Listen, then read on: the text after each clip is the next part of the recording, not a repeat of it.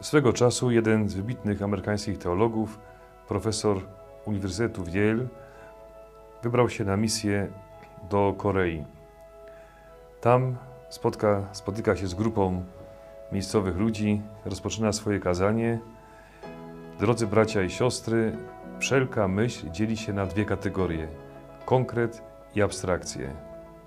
Tłumacz tego kazania, patrząc na zebranych ludzi, bezzębne staruszki, bose dzieci, przetłumaczył to zdanie w sposób następujący. Moi kochani, przyjechałem tu do Was aż z Ameryki, żeby Wam powiedzieć o Panu Jezusie Chrystusie. I dalszą część kazania tłumacz przejął już w swoje ręce. Dzisiaj jeden ze słuchaczy Jezusa zadaje mu abstrakcyjne pytanie: Nauczycielu, powiedz, czy tylko nieliczni będą zbawieni? Pan Jezus nie odpowiada na to pytanie. Od razu przechodzi do życia słuchaczy. Nie interesują go statystyki i odsetek zbawionych, tylko mówi: Usiłujcie wejść przez ciasną bramę, bo nadejdzie czas, kiedy Pan domu wstanie i drzwi będą zam już zamknięte. Nikt więcej nie przejdzie. Wówczas będzie płacz i zgrzytanie zębów. Panie, czy nie jadaliśmy z Tobą? Nie piliśmy razem? Czy nie nauczałeś na naszych ulicach? Pan Jezus jednak nie patrzy na zewnętrzne kontakty, na ocieranie się o siebie w życiu. Interesuje go tylko to, czy ktoś za ziemskich dni, kiedy był na to czas, otworzył się na niego.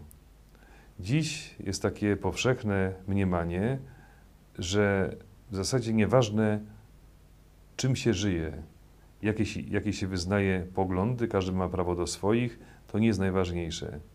Dzisiejsza Ewangelia mówi, że jest zupełnie przeciwnie.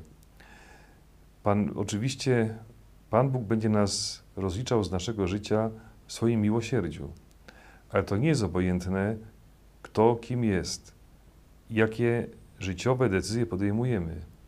Gdyby to było obojętne, nie byłoby męczenników, którzy oddawali życie, kiedy uznali, że w Jezusie Chrystusie jest prawda. Jeden z misjonarzy, David, Brainerd, y, który ewangelizował Indian, w pewnym momencie rozmawiając z wodzem indiańskim, widząc, że on się zastanawia, że jest blisko decyzji przyjęcia chrztu, nakreślił na ziemi krąg i mówi: Zdecyduj, czy chcesz przekroczyć tę linię. Może po raz ostatni jesteś tak blisko podjęcia decyzji, jesteś już bardzo blisko. Czy to zrobisz? I to pytanie Jezus kieruje dziś do każdego z nas. Czy chcesz przejść przez ciasne drzwi? Tymi drzwiami jest On sam. Moi kochani, w tym roku przeżywamy dwie wspaniałe rocznice związane ze świętą Teresą Benedyktą od Krzyża Rytą Stein. Dokładnie przed stu laty jako Żydówka przyjęła chrzest 1 stycznia 1922 roku, a 80 lat temu, dokładnie 9 sierpnia 1942 roku, zginęła w komorze gazowej obozu Auschwitz-Birkenau. Niesamowite życie. Żydówka, która przez długi czas życia była niewierząca, choć pochodziła z głęboko wierzącej żydowskiej rodziny. Wtedy o tym etapie swojego życia napisała: Moją jedyną wielką modlitwą było poszukiwanie prawdy. I położyła wszystko na jedną kartę. W pewnym momencie zaczęła zbliżać się do chrześcijaństwa. Wiele argumentów za tym przemawiało. Y, będąc już doktorem, y, pierwszą współpracownicą wielkiego fenomenologa Husserla, zaczyna zastanawiać się, czy przypadkiem w chrześcijaństwie nie ma prawdy, tej egzystencjalnej prawdy ludzkiego życia. Będąc kiedyś przypadkowo w katedrze w kolonii, widzi, że ciągu tygodnia bez żadnego nabożeństwa, bez żadnej mszy do kościoła wchodzą pojedynczy ludzie, stawiają na ławce torby z zakupami, modlą się w pustym kościele. Tego nie znała ani synagogi, ani z kościoła protestanckiego.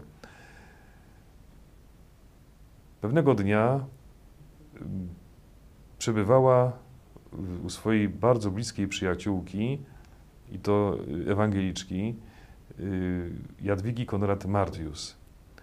Została tam na noc, ponieważ była uczoną, y, zżytą z książkami, sięgnęła na chybił, trafił na półkę z książkami i wyciągnęła życie świętej Teresy Wielkiej, autobiografię Teresy Zawila. Zaczęła czytać, tak od niechcenia.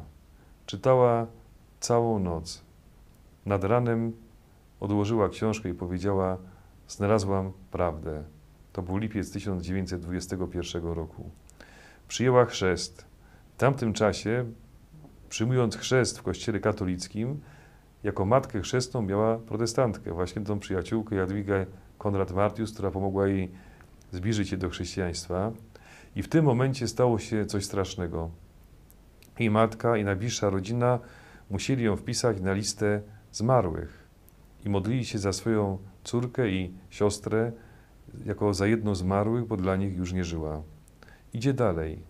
Rozpoznaje powołanie zakonne.